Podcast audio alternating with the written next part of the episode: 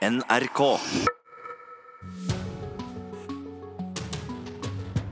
Men nå Fredagspanelet. Ser du alle menneskene rundt deg? Jeg gjør det. Det er så fint.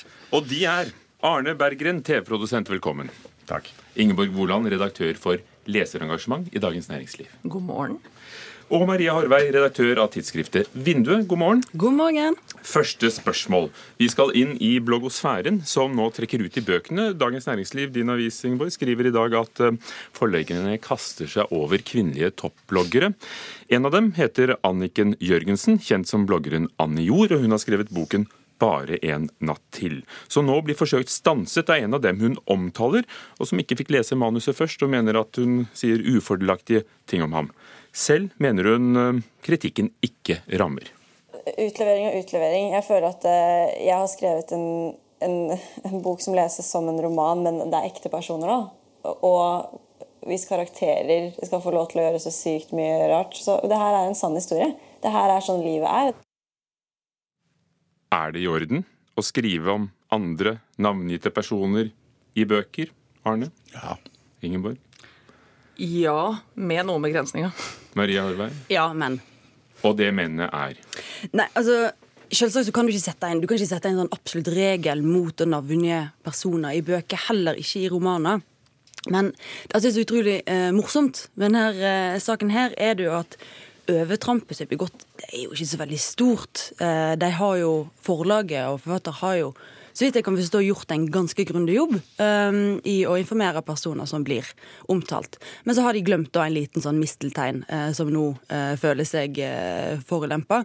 Um, og da tenker jeg da kunne en løst på, på, en, på minnelig vis, men det som er så morsomt, det er jo at de velger å kjøre forsvarslinja 'dette er en roman'. Uh, som jo er helt absurd. Uh, det er noe med å for det første så er det jo ikke sånn at Med en gang du kaller det roman, så kan du gjøre hva du vil. Uh, du kan kalle det en roman, og så kan en starte en debatt derifra.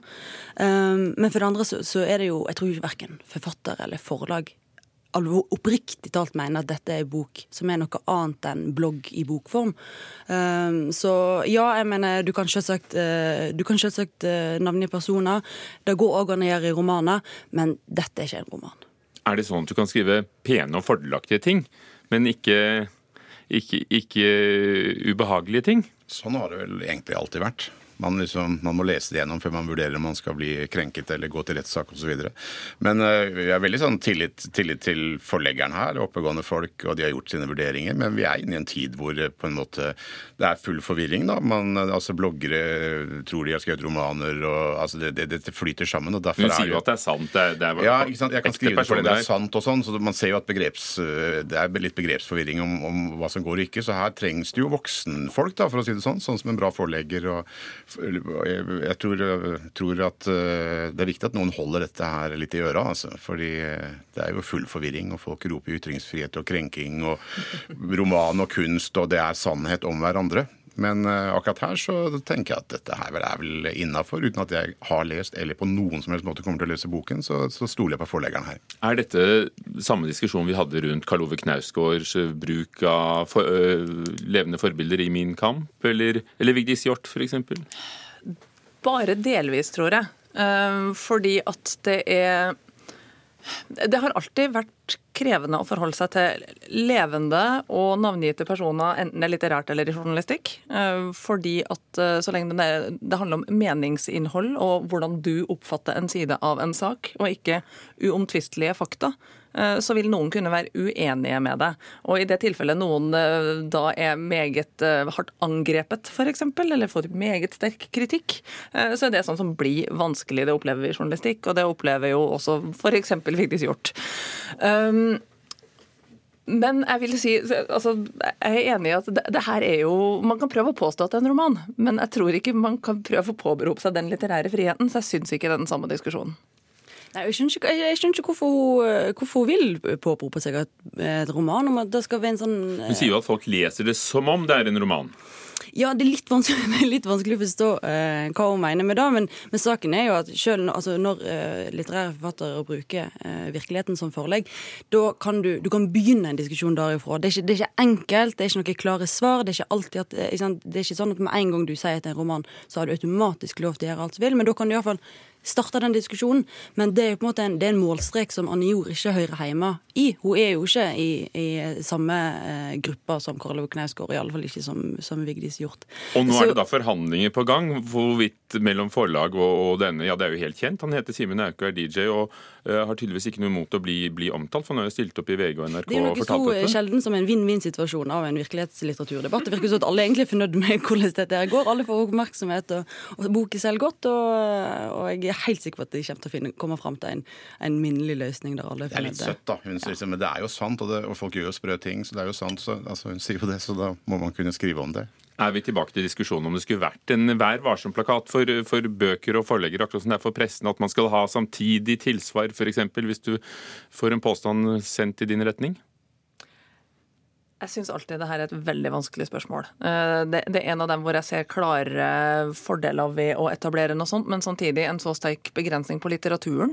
Eh, det er en forskjell på litteratur og journalistikk. Men hvis vi holder fast på at dette her er en, en selvbiografi, um, så vil jeg si at, at, det er klart at internt i forlagene så bør det være veldig gode retningslinjer. Men å sette en, sånn, ei, ei, ei felles linje for alle forlag, kanskje er vanskelig.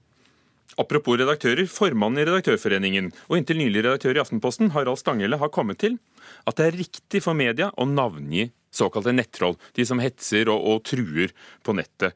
Det sa han i intervju med Ole Torp i programmet Torp denne uken, at han angret at han i sommer var med på å bestemme at A-magasinet ikke skulle si hvem det var som hadde truet de overlevende etter Utøya-massakren.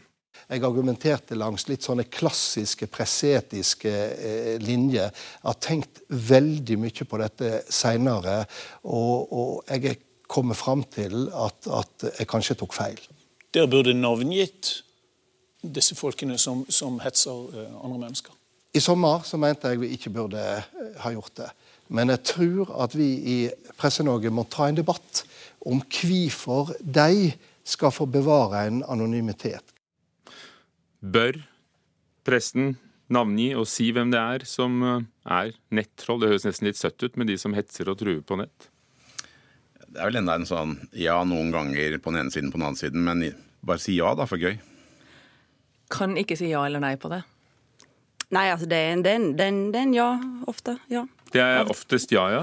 Nei, har de vært for beskyttet? Stangele angret seg. Han mener de skulle ha gjort det. De hadde jo snakket med dem. Ja, men, men Stangele snakker jo òg med utgangspunkt i en helt konkret sak der jeg nok kan være enig i han at da kunne det vært et gode å, å, å følge presseetiske hensyn, men òg samtidig eh, gå ut med navnet. Um, men det vil, dette vil alltid være en fra sak til sak. Og det Stangele sier, er jo at vi bør vekte argumentene annerledes. Vi bør vekte argumentene sånn at vi oftere lander ned på at det er riktig å, å eh, navngi eh, disse nettsetserne. Uh, og da, da, da, da, tror jeg altså, da, kan vi at han har rett i. Det jeg er litt usikker på, er om vi bør gjøre uh, publisering og avsløring av nettroll til på en måte et, et selvstendig journalistisk kriterium. At da bør være en sånn drivfaktor for å lage journalistikk. jeg tenker du må, du må, være en del av en større, Hvis det er en del av en større sak, så ja. Men at vi skal ha en sånn serie kampanjejournalistikk på dette nettrollene, det er jeg mer usikker på. For selv om dette er vanlige mennesker, så bør de kanskje da merke konsekvensen av det de skriver, som, som han sa videre i intervjuet? Ja, men det er jo det er på en måte en slags nesten straffereaksjon eller hevnreaksjon fra det offentlige samfunnet. Altså det, er, det er veldig mm, vriene prinsipper her, og jeg syns det er en stor forskjell på folk som trakasserer direkte i sosiale medier, direkte til personene det gjelder, uh, og all den gørra som i mange år har ligget i kommentarfeltene til aviser som har en redaksjon. Altså Det syns jeg det er viktigere å ta opp. Ansvaret der har jeg på en måte redaksjoner og redaktører i mange mange år bare vasket hendene og sagt at det er en del av demokratiet og vi må få for en folkedyp og sånne ting. Mange av de verste tingene skjer jo der i, under eh, Vær varsom-plakater, under redaktørers ansvar osv.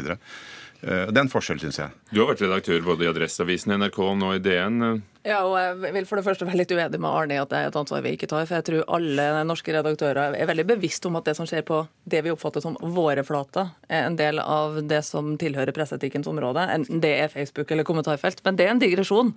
Um, jeg mener at det er vanskelig å si at det finnes én hard linje for når man skal identifisere denne typen eh, personer og situasjoner og ikke.